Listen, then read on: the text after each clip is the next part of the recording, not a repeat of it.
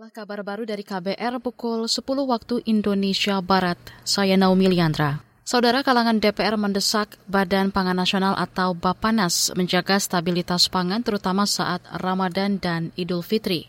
Anggota Komisi Bidang Pangan DPR Alien Mus mengatakan harga beras dan cabai sudah melonjak sejak awal tahun.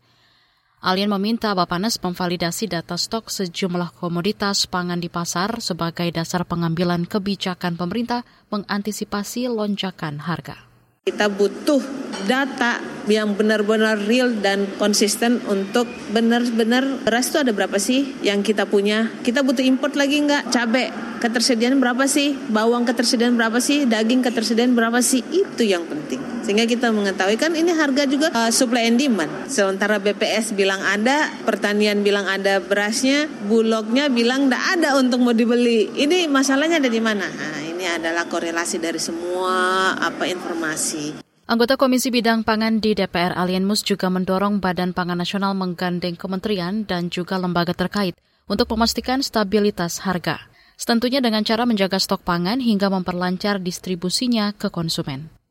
Beralih ke informasi lain, kalangan Serikat Petani mendorong pemerintah mengkaji ulang rencana impor beras sebanyak 2 juta ton.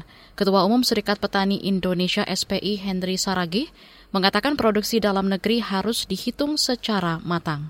Dan yang kedua, menurut kita eh, pemerintah jangan tergesa-gesa untuk mengimpor beras ini. Ya, pertama karena harus dilihat uh, panen kita di tahun ini Ya, kalaupun ada diprediksi uh, turun, turun berapa? Karena hasil dari pantauan kita ya memang benar ya ada penurunan uh, produksi, tetapi seberapa besar produksi ini menurun?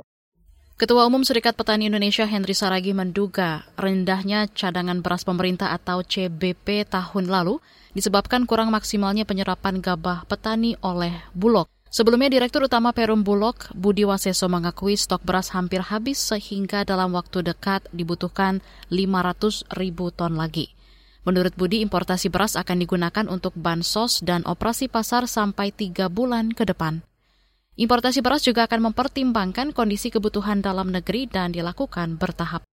Kita ke lantai bursa. Saudara, membaiknya sentimen pelaku pasar membuat rupiah menguat melawan dolar Amerika pada pembukaan perdagangan hari ini.